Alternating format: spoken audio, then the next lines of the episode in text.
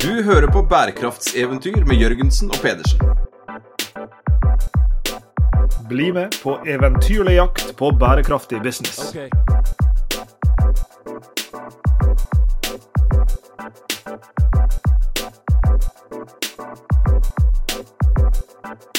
Sveinung, jeg må vel kunne si helt åpent at uh, blant alle mine venner, i den grad jeg har så mange venner, det er jo en, uh, det er færre og færre for hver dag som går, så er vel du den som jeg på en måte ville satt mest penger på at på et eller annet tidspunkt skulle bli saksøkt for veldig mye penger. Jeg vet ikke hvor uh, mange ganger har du vært saksøkt før?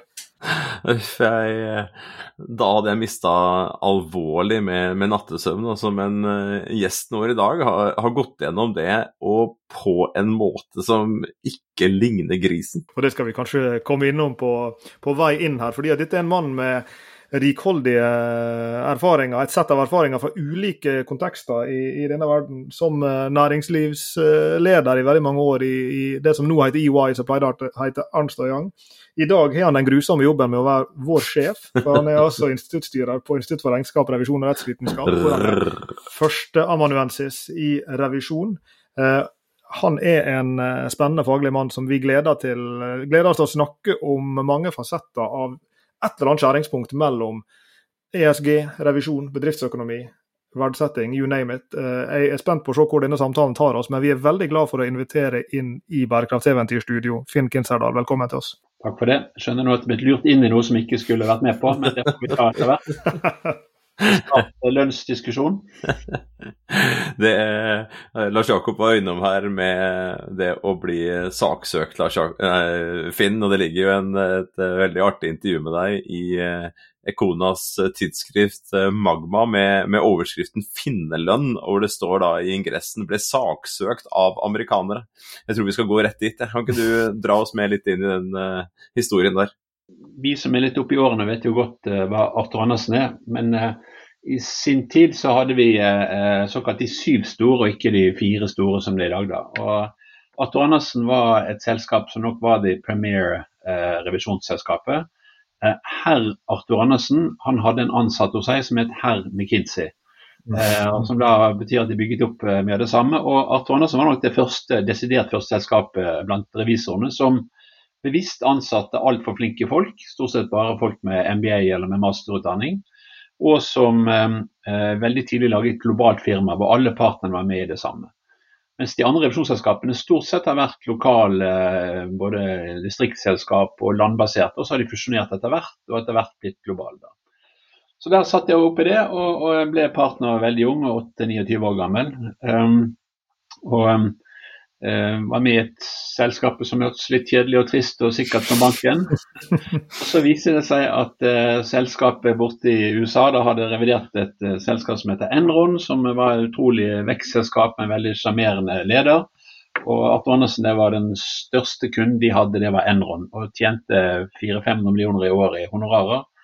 Og når honorarene blir så store, så kan det være at det kan gå litt utover uavhengigheten det passer på å være en ekstern uavhengig revisor. Der. Så ikke noe tvil etterpå at Andersen gjorde en dårlig revisjonsjobb og så gjennom fingrene og var litt for mye pusha på å utnytte regnskapsreglene, eller ikke være flinke nok til å lete etter om det var fusk og fanter i dette.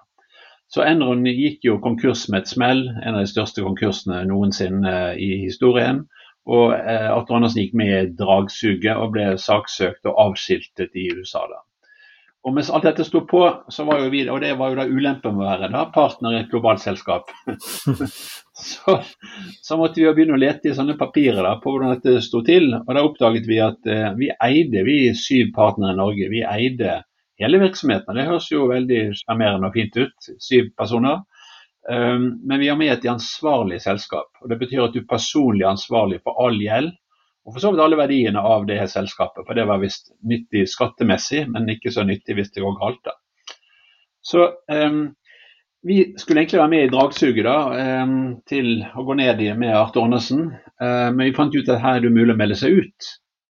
Så vi meldte oss ut som første land i verden sammen med Russland. Det er jo et fint party å gå ut med. men det var en norsk leder i, i Russland på det tidspunktet der.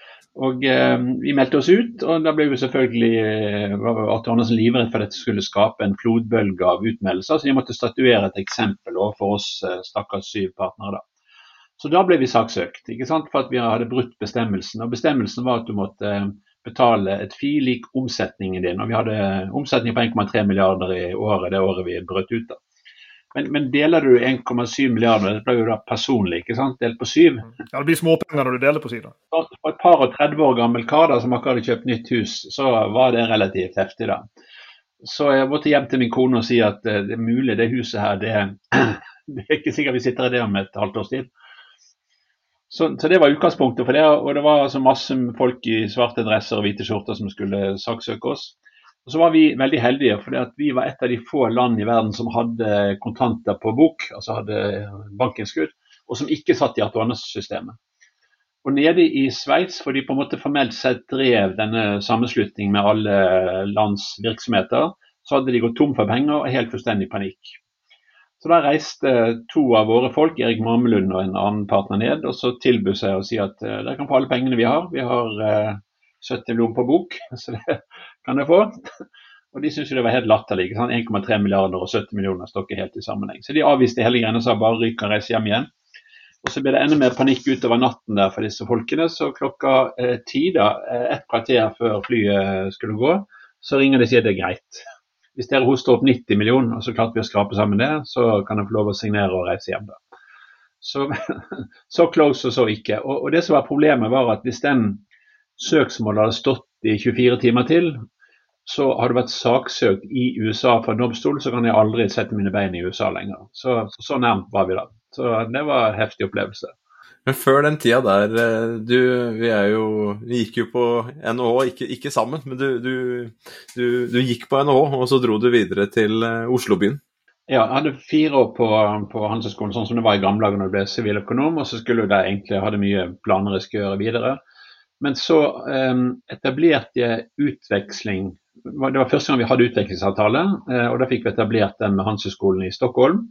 Eh, og så søkte jeg samtidig, og fikk plassen. Det var jo kanskje litt men Jeg håper det var noen uavhengige som så på den da. Eh, så da var jeg på utveksling i Stockholm, og så begynte jeg å lure på om jeg skulle søke noen jobber. Og så jeg, tenkte jeg ok, konsulentselskapet er ikke så verst. Eh, så tenkte jeg skulle prøve meg på BCG. Da gjorde jeg århundrets dårligste intervju. Lærte litt av det. Og så kom McKinsey, og så søkte jeg på det, og så fikk jeg jobben i McKinsey. da. Så da var jeg i McKinsey og jobbet uh, vettet av meg i, i uh, fire år. da.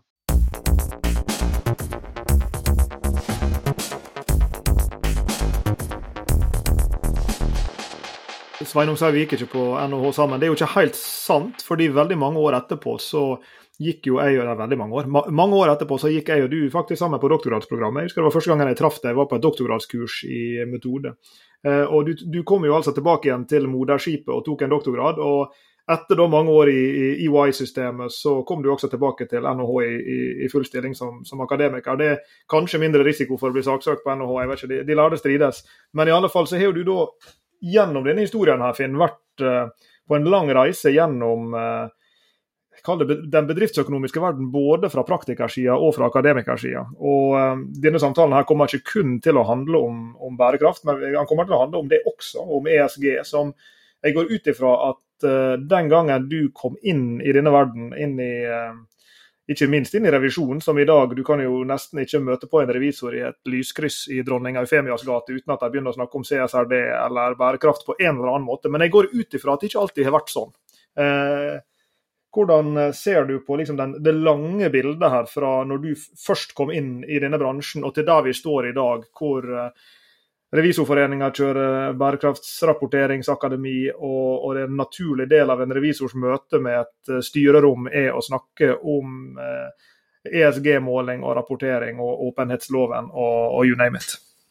Det har vært en enorm forandring i revisorrollen i forhold til når jeg begynte å jobbe. Jeg kom jo fra McKinsey og over til revisjon, det skjønte jo ingen, og i hvert fall ikke de i McKinsey så traurig som å jobbe i revisjon, det kan ikke jeg forstå. Men jeg oppdaget jo at altså, herr Arthur Andersen hadde vært sjef for herr McKinsey. da.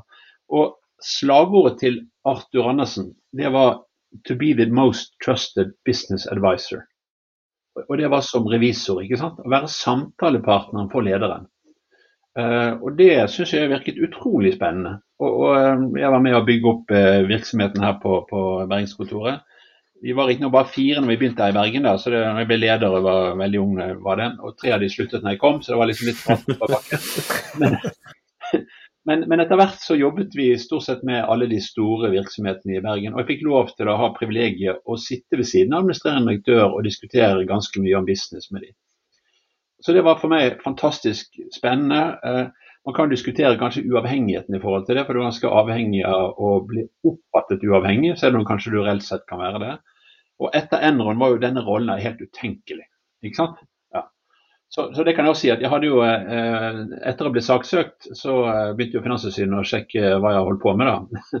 Og da ble jo alt som var å være på tett på kunden, det ble jo ansett som fy-fy. Og vi gikk over til å bli parkometervakter eller bare dele ut eh, gule og røde kort.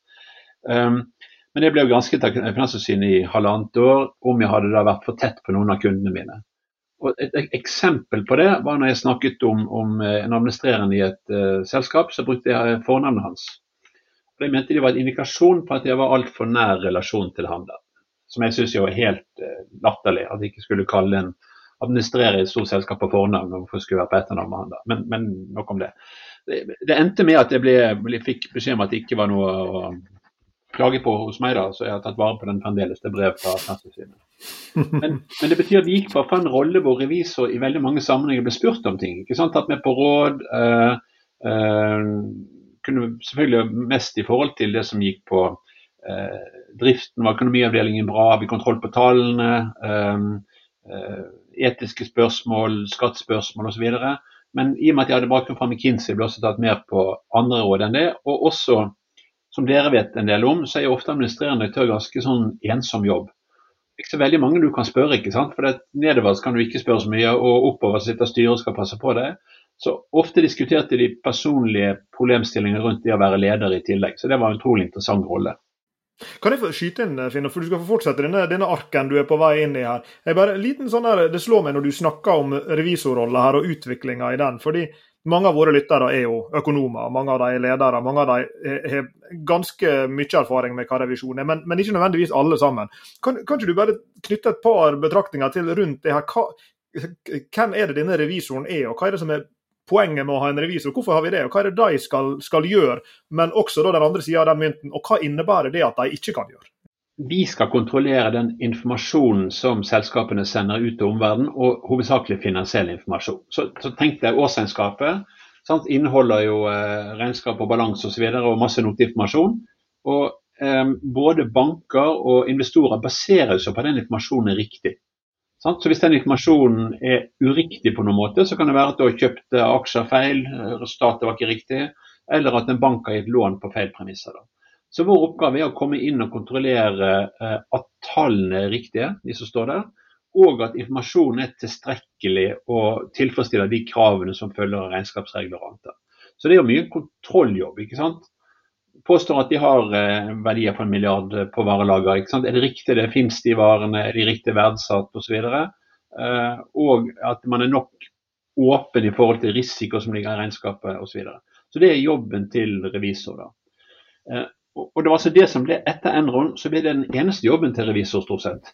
Mm. Kun som en kontrollør. Du, kan si, du kan si at vi syns dere har et regnskap som er ustrukturert og rotete. Vi syns dere har for dårlig dokumentasjon hos dere på det regnskapet dere har avlagt. Dere har altfor mye manuelle kontroller. Dere har altfor lite som på en måte er satt opp og rigget til et økonomistyringssted som funker i gamle dager før Enron så kunne vi gå inn og si at da bør du gjøre sånn og sånn og sånn. og sånn. Det er det vårt forslag at jeg bør fikse det. Etter Enron, ikke snakk om. Mm. Da brøt du avhengigheten din. Så en som vi kunne si at her var noe feil, du får finne ut sjøl hvordan du skal fikse det, og av feilen grunnes i det. Og For meg gikk det fra å være veldig spennende å være revisor til ikke så spennende å være revisor. Så, så, det vi gjorde etter at Arthur Andersen gikk over ende, var at vi måtte jo fusjonere med noen. Så vi fusjonerte jo da med Ernst Young og det som nå heter EU. Eh, e um, så jeg var med på den fusjonsprosessen, men for meg var ikke revisjon like spennende da. Og, og da gikk jeg altså over til noe annet, gikk over til Private Equity og så tok jeg en doktorgrad etter det igjen.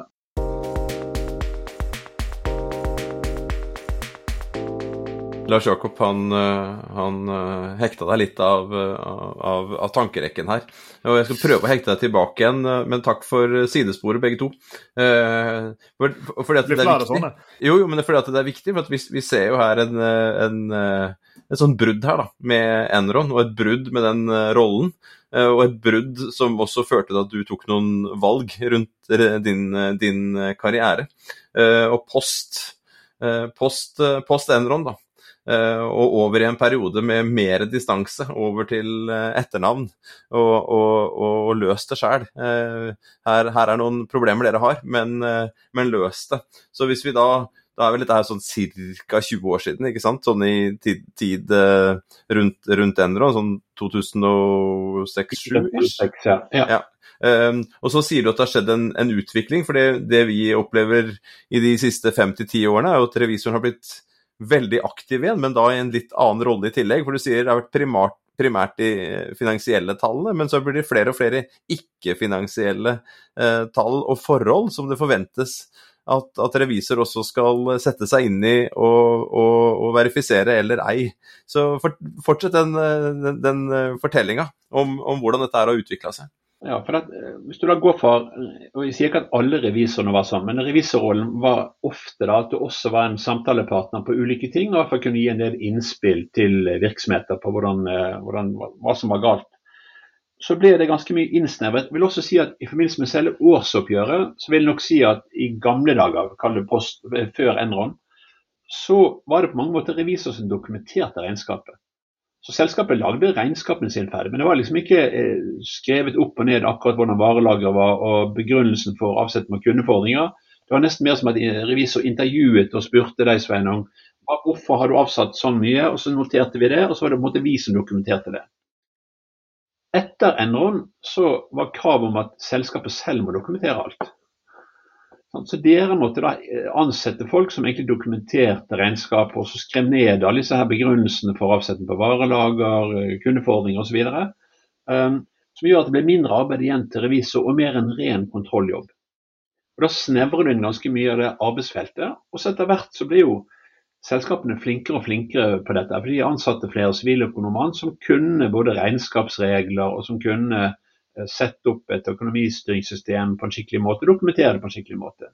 Så vi gikk mer og mer over i den jeg kaller parkometerkontrolljobben eh, på finansregnskap. Og det jeg kan også si parallelt med det er at mange forskningsartikler har jo vist at regnskapene sånn som de er laget nå, IFRS-regnskap og god regnskapsskikk, er mindre relevante for brukerne, altså for investorene, aksjemarkedet og for bankene, enn de var før. For det er så mye annen informasjon som flyter rundt der ute. ikke sant? Så du kan hente lett på nett og andre steder, som gjør at akkurat den lille pakken som heter eh, årsregnskapet, den er ikke så relevant lenger.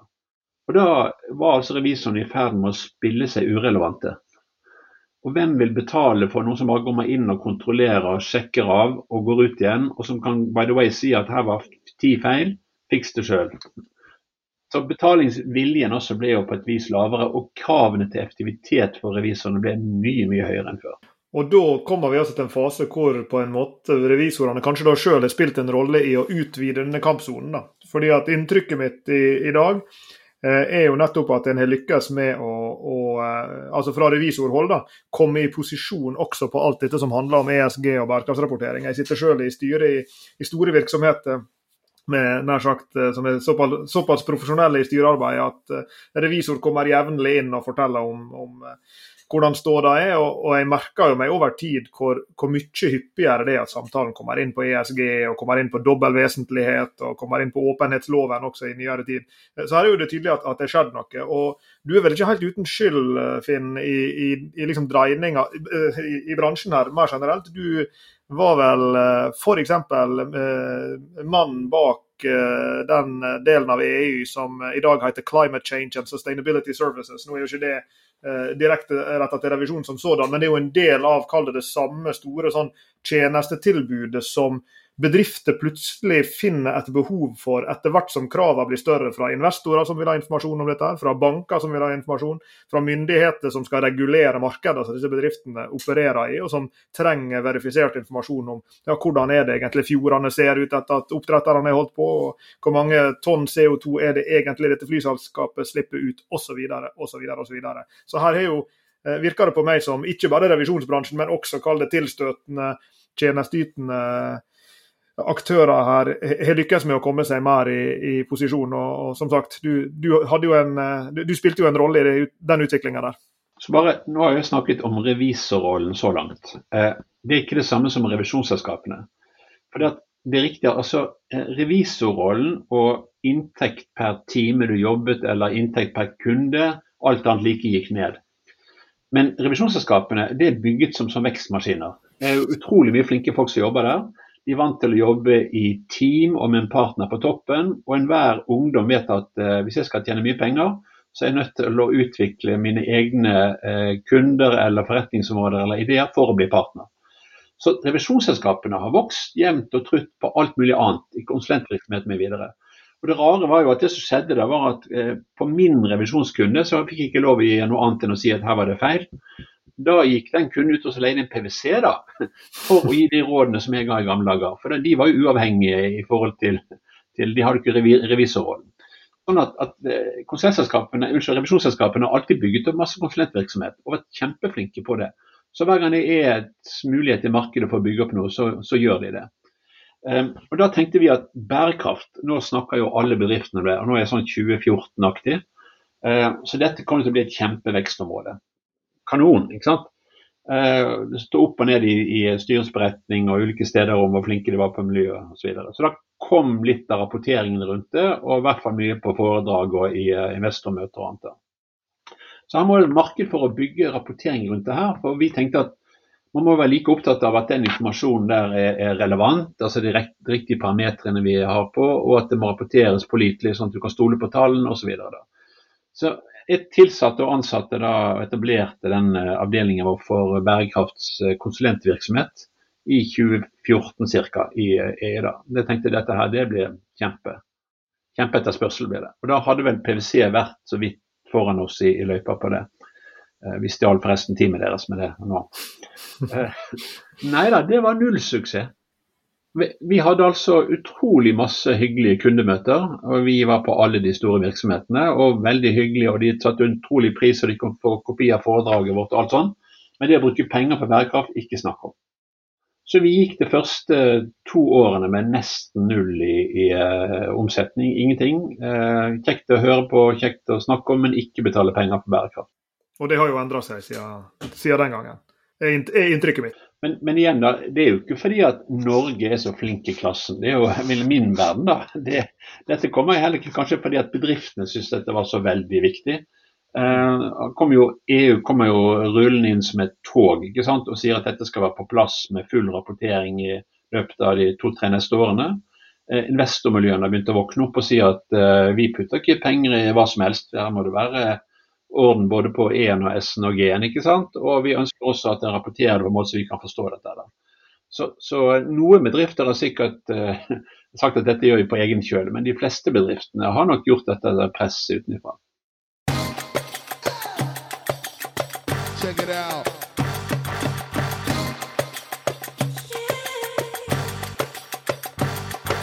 Og nå, i den rollen du har nå, og med blikket inn i, i forskerverden, eh, hvordan har dette endret eh, temaene som det blir forsket på innenfor regnskap og revisjon? Ja, um, Dette går litt i bølger. ikke sant? Um, så I den tiden uh, rundt 2004-2005-2006 så var dette på alles lepper. Det kan jeg bare si. Min første demonstrasjonstoget var i sin tid, uh, 1988.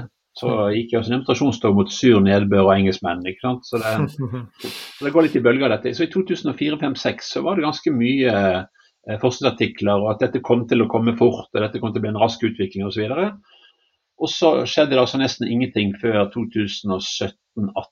16-17-18. Eh, jeg hadde en gjennomgang nå da på, på eh, artikler som er skrevet om bærekraft innenfor regnskapsrapportering og sånn.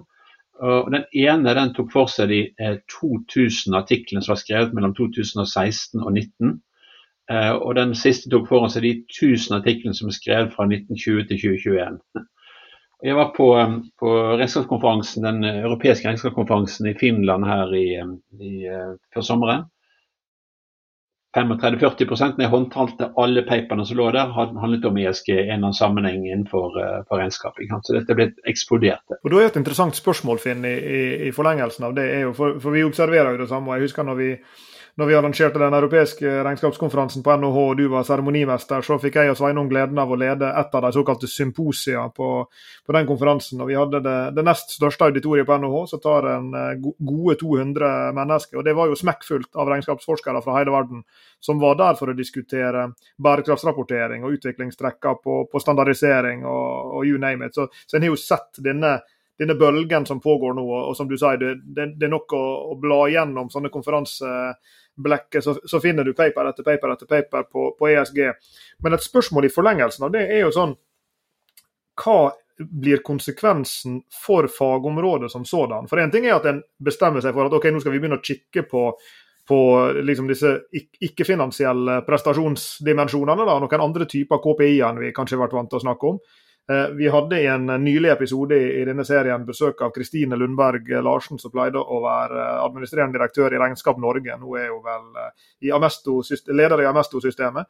Hun har nettopp eh, gitt ut en bok som heter 'Regnskap og økonomistyring i en sirkulær økonomi', hvis jeg husker navnet rett. Og, og Hun argumenterer jo for, og jobber jo også med dette den, den tida hun var i Regnskap Norge, at liksom regnskap som sådan, som, som fagområde, er, er modent for en, en, liksom en Eh, om ikke et paradigmeskifte, det blir kanskje å, ta i, men at, at, her trenger vi å endre noen av de grunnleggende modellene våre. Og så vil det være andre eh, fagfolk på feltet som vil si at nei, egentlig så må ikke vi endre modellene, vi, vi skal bare begynne å bry oss om, om andre, andre KPI-er, andre dimensjoner av bedriftene sine prestasjoner. Hva, hva tenker du om liksom, i hvor stor grad må faget utvikles for å ta høyde for disse tingene her, eller hvor, i hvor stor grad er det business as usual? Litt, litt forsiktig da på hva han sier dette, men jeg hadde i hvert fall sånn enkel mål på om bedriftene brydde seg om eh, bærekraft egentlig, eller om de ikke gjorde det. Hmm. Hvis du lå i markeds- og kommunikasjonsavdelingen, så brydde de seg egentlig ikke. Da var det bare noe som var for å vise på omverdenen. Det som har skjedd nå, er at man har flyttet hele bærekraftsrapporteringen inn i økonomiområdet. Det er en del av investeringsbeslutningene, det er en del av økonomi- og risikooppfølgingen, og det er en del av det eksterne regnskapet som sendes ut. Integrert rapportering osv.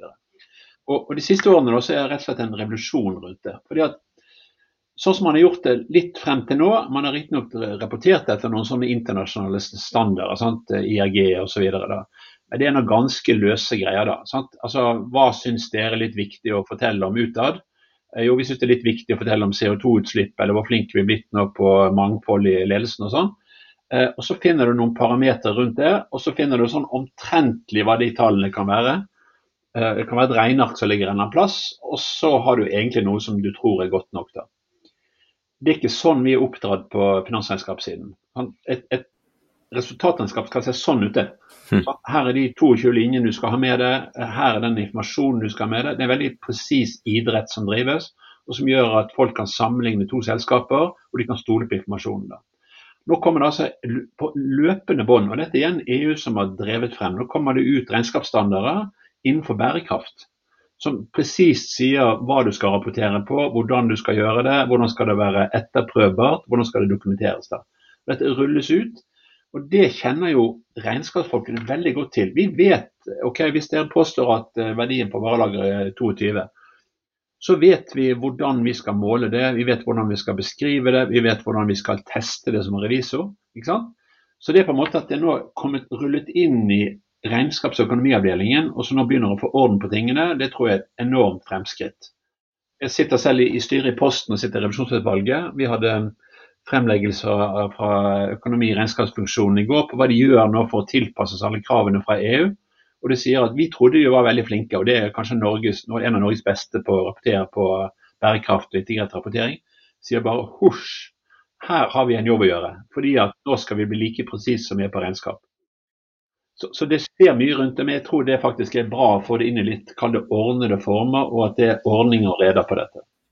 Vi som institusjon da, som utdanner folk som skal jobbe med dette, her, spesielt da på vårt institutt med, med regnskap og, og revisjon og, og, rettsvitenskap, når du tar, deg, tar, med deg de erfaringene fra, fra, fra styremøtet da, og, og, de andre erfaringene, og, kikker på det vi underviser i, og det vi forsker på, både internt på, på NHH, men også i, i feltet ellers, Klarer vi sånn noenlunde å, å, henge med, eller er det noen eh, like radikale grep som må gjøres der for å for rett og slett sko disse studentene til å møte de, de forventningene i, i, arbeidslivet som de vil møte nå med en gang de kommer ut? Altså, Du kan si mye rart om, om sikkert noen konservative steder som Handelshøyskolen og annet, men, men, vi har genialt ting som heter markedet. Og, og det markedet vi slåss om, det kjenner dere to til, det er jo studentene. Og Studentene de sniffer jo rundt på hva er det nå liksom som er viktig. ikke sant? Og Hva er det jeg skal si til mine arbeidsgivere at jeg holder på med og sånn. Og nå er det ESG for alle penger. Dere selv har jo kurs det er 500 studenter pluss dere har i året. ikke sant? Eh, og med en gang vi nevnte at nå har vi et kurs i ESG på regnskap, så var jo det smekka fullt før vi fikk eh, ord for det. Sånn at, at det betyr at det, det internkampen hos studentene gjør at vi er nødt til å være relevante på det vi holder på med undervisningen. Så det er veldig enkelt. da. Og Sånn er det på forskning òg. Man oppdager ganske fort at ESG nå har det vært et nytt tema, oi, da har vi noe nytt vi kan forske på. Og så sendte man ut sånn special edition om tre måneder eller seks måneder, så blir det en journal om det. Og så flokker alle forskerne seg rundt det temaet. Og de som bevilger penger til forskning, med en gang de hører noe om ESG, så sant, fint. Så, så eh, disse her eh, insentivene de virker, de altså.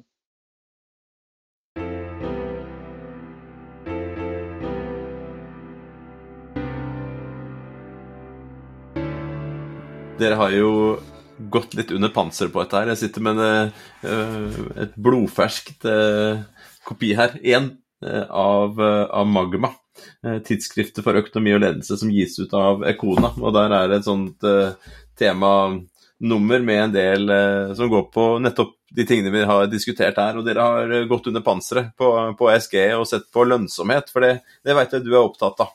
Eh, vi kan snakke om det, og det er bra i seg selv, men hvordan i all verdens navn skal vi klare å kombinere ESG e bærekraft da med å drive, drive butikk? En sånn ambisiøst paper dere har skrevet, og ikke bare med kollegaer, men også tatt med dere masterstudenter inn, inn i dette her? Det, er egentlig motsatt. Altså, når ESG kom, så Jeg kunne ikke så mye om det da. Beste måten å, å lære seg på dette er jo at du må veilede noe, for da må du jo ligge en side eller to foran disse. ikke sant? så, så um, det er to veldig flinke studenter som gjorde en veldig fin masteroppgave basert på ideer fra um, Kjell Henrik Knivsflå og fra meg, og Kjell Henrik var hovedveileder på dette. her da. Og så fant ut dette er jo greit å skrive en artikkel om. Så har vi bare ikke tid til å skrive det før nå, for denne eh, oppgaven er gjort for et par år siden. Mm. Så måtte vi bare oppdatere den når vi skrev det i dag. da. Men, så det vi har gjort, egentlig bare å se på to ting. Det er, er det slik at eh, det å drive med ESG-arbeid i seg selv, er det verdiødeleggende, eller er det verdiøkende? Og Svaret på det er jo ikke ja eller nei. ikke sant? For det er En god del ting som har med, med ESG å gjøre, koster jo penger at det koster jo penger det å ha folk på skikkelige arbeidskontrakter, eller det å gjøre en del tiltak som er litt dyrere, men det skåner miljøet. ikke sant? Og bedriftenes insentiv sånn rått sett er jo bare å tjene penger. ikke sant? Så, så, så i utgangspunktet så, så, er det en god del ting som er opplagt for dyrene. Men i den grad forbrukerne, og det er jo det som har det fagområdet, begynner å bry seg om det, og de begynner å velge produkter eller bedrifter som leverer litt bedre på ESG enn andre, ikke sant? Så kan det være verdiøkende. Det var det første vi så på. Eh, og det andre var vi så på, det var om i teorien, når du har gitt ut informasjon om bedriftens bærekraft, så sier finansteorien at når informasjon ligger der ute, så er den allerede innbakt i aksjeprisen. og Du kan ikke bli noe rikere eller fattigere på det. da. Det vi skulle se på, er, er det markedet litt umodent? Sånn at den informasjonen som kommer ut nå er litt sånn humor kanari, litt vanskelig å tyde osv. Så at hvis du er litt kreativ og god til å sile informasjonen, kan du da tjene penger på det. Og det fant vi ut. Det, du, det kunne du absolutt i sånn 2019, 2020, 2021. Sant?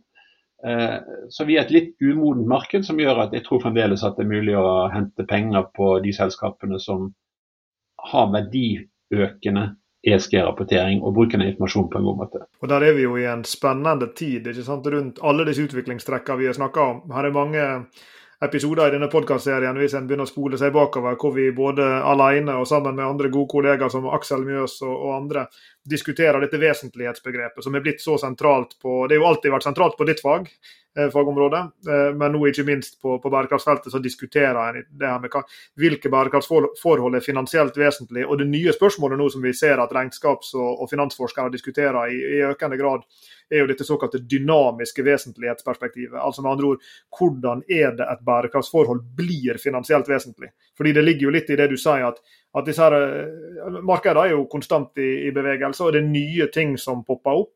Eh, og, og, i serien av ting som kanskje både konsulentene og, og revisorene vil komme til å, å levere tjenester knytta til, er jo nettopp det her med å forstå denne dynamiske dimensjonen av hvilke bærekraftsforhold er det til enhver tid. da pga. faktorene rundt, som er henholdsvis verdiøkende og verdiødeleggende. For der ligger det vel en eh, der ligger vel kanskje edgen i å, i å klare å, å, analysere det på en ordentlig måte. Var det et spørsmål? Ja, Hvis du har lyst til å, å kommentere eller reflektere over det, så, eh, så, tolk det gjerne som et spørsmål.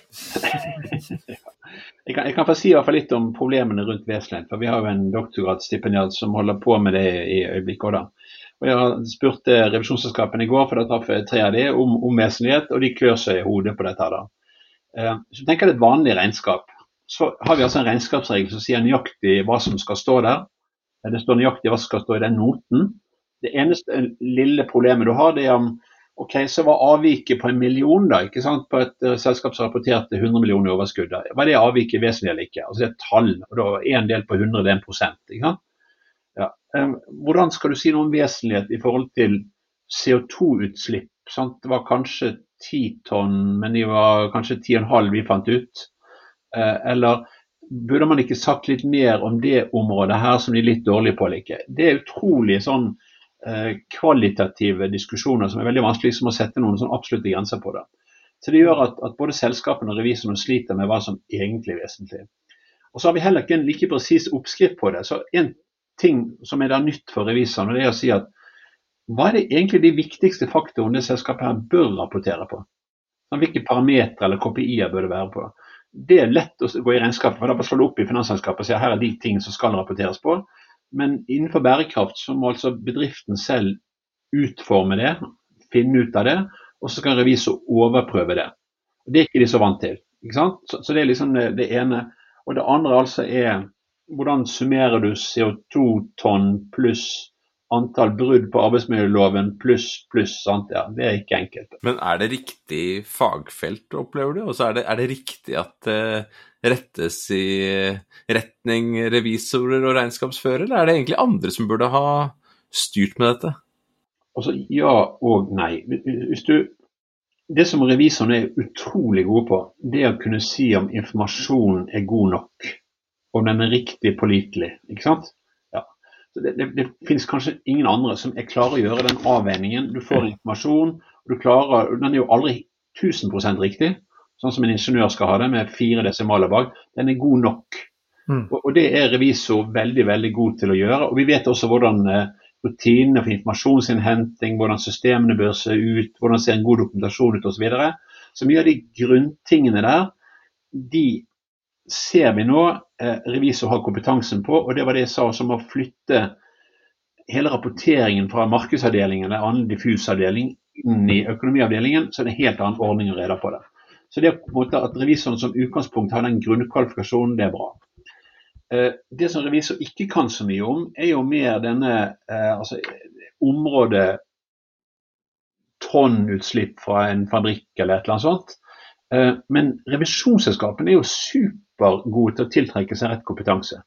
Så de snur seg jo rundt fortere enn vi klarer å snakke i det programmet her. Og så får de tak i de da ingeniørene eller eh, biologene eller hva det er for noe rart som kommer inn. Og så er de supergode til å sette sammen team. Og Det er jo det de har gjort på konsulentsiden. Jeg har bygget over disse skatteavdelingene og konsulentavdelinger og IT-implementeringsfolkene. Så har du gjort det ut fra revisjonskompetansen til å jobbe på. Og så bruker de brandet sitt i PwC-KPMG til å tiltrekke seg flinke folk, og så kjører de sammen i, i team. da. Så at de har gode forutsetninger på det og klarer å gjøre en god jobb på det, er ikke tvil om.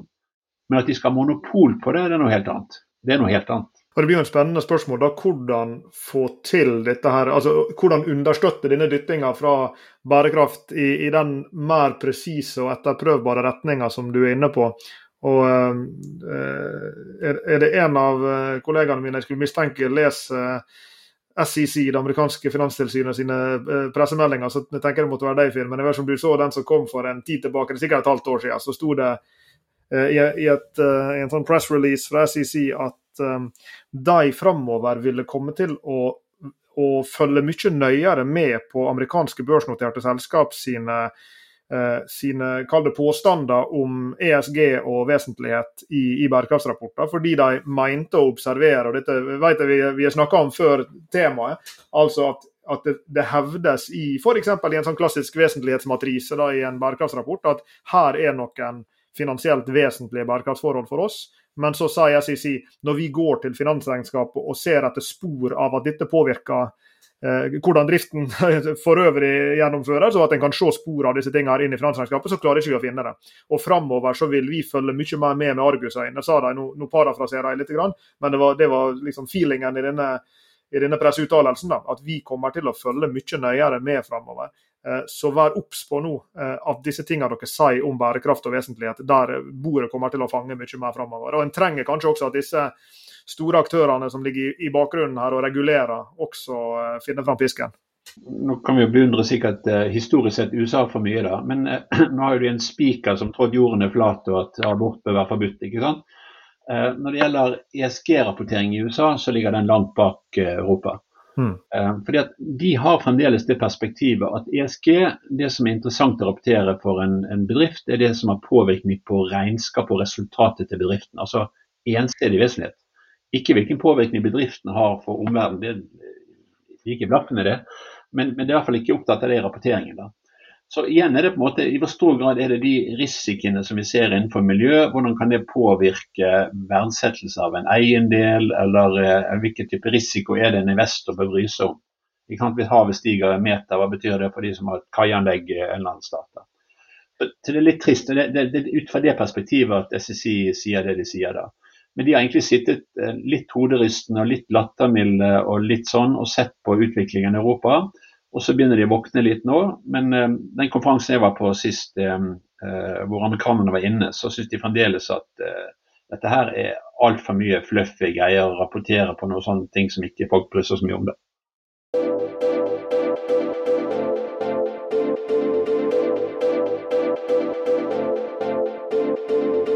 Du nevnte vi har doktorgradsstipendiater på, på revisjon, og, og, en av dem jobber med nettopp denne problematikken du er inne på her. altså Eh, forståelsen av, av, av, vesentlighet og utviklingen av, av, den over tid. Eh, når du snakker med flinke masterstudenter eh, og vil ha dem inn og, og anbefale et, et, en, en, utdannelse, en ph.d., en doktorgrad innenfor regnskap og revisjon, hvordan er salgspitchen om dagen? Nei, det, Dessverre, det, det, er ikke så lett å få tak i doktorgradsstipendiater i revisjon for tiden. Det har litt med at det er jo et fantastisk marked der ute. da. Så, så det er jo nå er ikke forskning for alle, men, men, det er jo fantastisk. Det vet jo dere, et privilegium å få lov å forske på en måte få drive med hobbyen sin. ikke sant? Og få lov å stort sett definere litt hvordan neste halvår ser ut. Det betyr ikke vi ikke har det travelt og mer enn nok å gjøre og ambisiøse og sånn, men du har jo en frihet som du kan drømme om i et revisjonsselskap som hvis ikke du før lunsj har gjort de 42 arbeidsdagene, ikke sant, så, så får du på pisken. Altså. Så, men, men, vi snakker altså om eh, fremdeles at Politikerne går ut og sier at forskning er veldig viktig, og at Norge skal liksom leve av kompetanse. det viktigste vi har da. Men vi betaler jo ikke for det. Så vi har fremdeles lønninger som ligger langt langt nedenfor det som er revisjonsyrket. I revisjonsyrket, hvis du er en noenlunde flink fyr og dame og jobber hardt, så tjener du fort en million. Og Da snakker vi om 28-åringer, 29-åringer, 30-åringer. Så vi har litt annet marked å konkurrere mot. der. Men allikevel, eh, Finn, så klarer du å samle en hel gjeng for ikke så lenge siden oppe i niende etasje med en av Norges flotteste kontorutsikter, eh, og, og, klarte å selge inn dette her. Og, og, og, hva er da salgspitchen, gitt eh, de frie rammene og kanskje litt dårligere lønn, men hvilke muligheter er det som ligger her, og, hva er det du trekker frem, og hva er det de som kommer er interessert i å utforske videre? To ting å si om det. I gamle dager så tok vi nok en doktorgrad for å bli forsker. Eh, nå har jo endelig næringslivet våknet og sagt at jøss, folk med doktorgrad, de trenger vi. Så vi har hatt flere nå som har gått til eh, kjempespennende jobber i næringslivet, Equinor, DNB osv. Og som da hopper over et del av disse her kanskje litt kjedelige innføringsårene som de andre siviløkonomene har. da. Det andre er at eh, vi har vært ute nå og spurt bransjen. Vi trenger jo flinke folk på det området her, og de er kjempeinteresserte. Så de har vært utrolig hyggelige med oss, og de går inn og, og sponser eh, lønningene våre. Ikke sant? Og de eh, åpner eh, også at vi kan få lov å slippe inn og hente data hos de, som gjør at eh, amerikanske forskere som ikke får slippe inn hos sine selskaper, de kommer til oss og vil jobbe sammen med oss. Vi fikk ti millioner kroner fra Forskningsrådet her for noen år tilbake. Nå fikk vi ti millioner kroner fra Equinor til å forske videre. Så det gjør på en måte at vi har klart å lage en pakke tror jeg, som er blitt ganske attraktiv. da. Men men det er mer på tross av, som du hører, enn det er på grunn av, kanskje. Men, men, jeg skulle gjerne sett at, at det offentlige ga litt mer eh, grunnlønn til både dere og til eh, andre flinke forskere. Men vi tror vi har klart å lage en bra pakke. Men Det går jo an å skyte inn her også at vi kanskje beveger oss i riktig retning på den måten at eh, jeg og Sveinung har likt å si det i veldig mange år, at vi, vi er litt misunnelige på, på, helsesektoren. ikke sant? Hvor du kan bli professor i medisin, og så kan du stå opp om morgenen og holde en forelesning på medisinsk fakultet, og så kan du gå ned i operasjonssalen og gjennomføre et kirurgisk inngrep etterpå, og så drar du hjem og skriver en, en forskningsartikkel på ettermiddagen. og den nær sagt, Næringslivet har kanskje også begynt å gå mer i den retninga at det å ansette en person med ph.d. Det blir ikke bare en sånn raring med, som et fremmedlegeme i virksomheten eh, på det minste kontoret nederst i, i korridoren. De har jo også blitt, er mitt inntrykk, flinkere til å Og kanskje kommer det fra begge sider. at ikke, Det handler ikke bare om næringslivet. Næringslivet har blitt flinkere til å se nytten av ph.d.-er og integrere dem på en ordentlig måte. Men, men så har kanskje også institusjonene som utdanner disse ph.d.-ene, og de som, som uh, tiltrekkes av det, har også blitt flinkere til å nær sagt forme sin rolle på en sånn måte at de blir attraktive for et Telenor eller et Equinor eller en eh, Kongsberg-gruppen eller hva det måtte være. Men nå, Temaet her var jo ESG. ikke sant? Vi er jo nesten livredde for å ha doktorander på ESG. For at eh, folk prøver å nappe de ut lenge før de er ferdige. Så han, han eh, min favoritt han dessverre gikk jo til et stort selskap og tjener jo millionlønninger. ikke sant? Og Han sitter som leder for rapporteringsavdelingen sin der. Så dette er jo ekstremt relevant det vi jobber med samtidig, ikke sant? som gjør det både moro å ta doktorgraden, men også det at du er relevant for næringslivet etterpå. da. Men vi vil jo helst at vi skal forske videre med det da, sant? og både undervise og alt. Altså. Men akkurat han der han har vi en langsiktig plan om å nappe tilbake igjen, slik at han plutselig kan sitte på Center for Sustainable Business sammen med oss og drikke kaffe igjen. Han har ikke noe valg, han. Han har å pelle seg hit i løpet av et par år til, så det skal vi ordne. Du veit hvem du er der ute, så du hører at vi sier det. Finn, tusen, tusen takk for, eh, for praten. Veldig interessant å, å dra opp løypa fra, fra Enron-tida og, og, utviklingen av denne rollen og hva som rører seg nå. Og også et uh, frampek både med hensyn til forskning, undervisning og, og, alt det spennende som rører seg i næringslivet. Vi eh, ser fram til nye prater. Takk, til. Takk for å komme. Du har hørt på Bærekraftseventyr med Jørgensen og Pedersen. Send e-post til eventyr.krøllalfa.jorgensenpedersen.no for å stille spørsmål eller komme med forslag til tema for fremtidige episoder. Og besøk jorgensenpedersen.no for mer informasjon om denne podkastserien. Okay. Derfra kan du også fortsette samtalen med oss i sosiale medier på Twitter, Facebook, LinkedIn, YouTube og andre steder.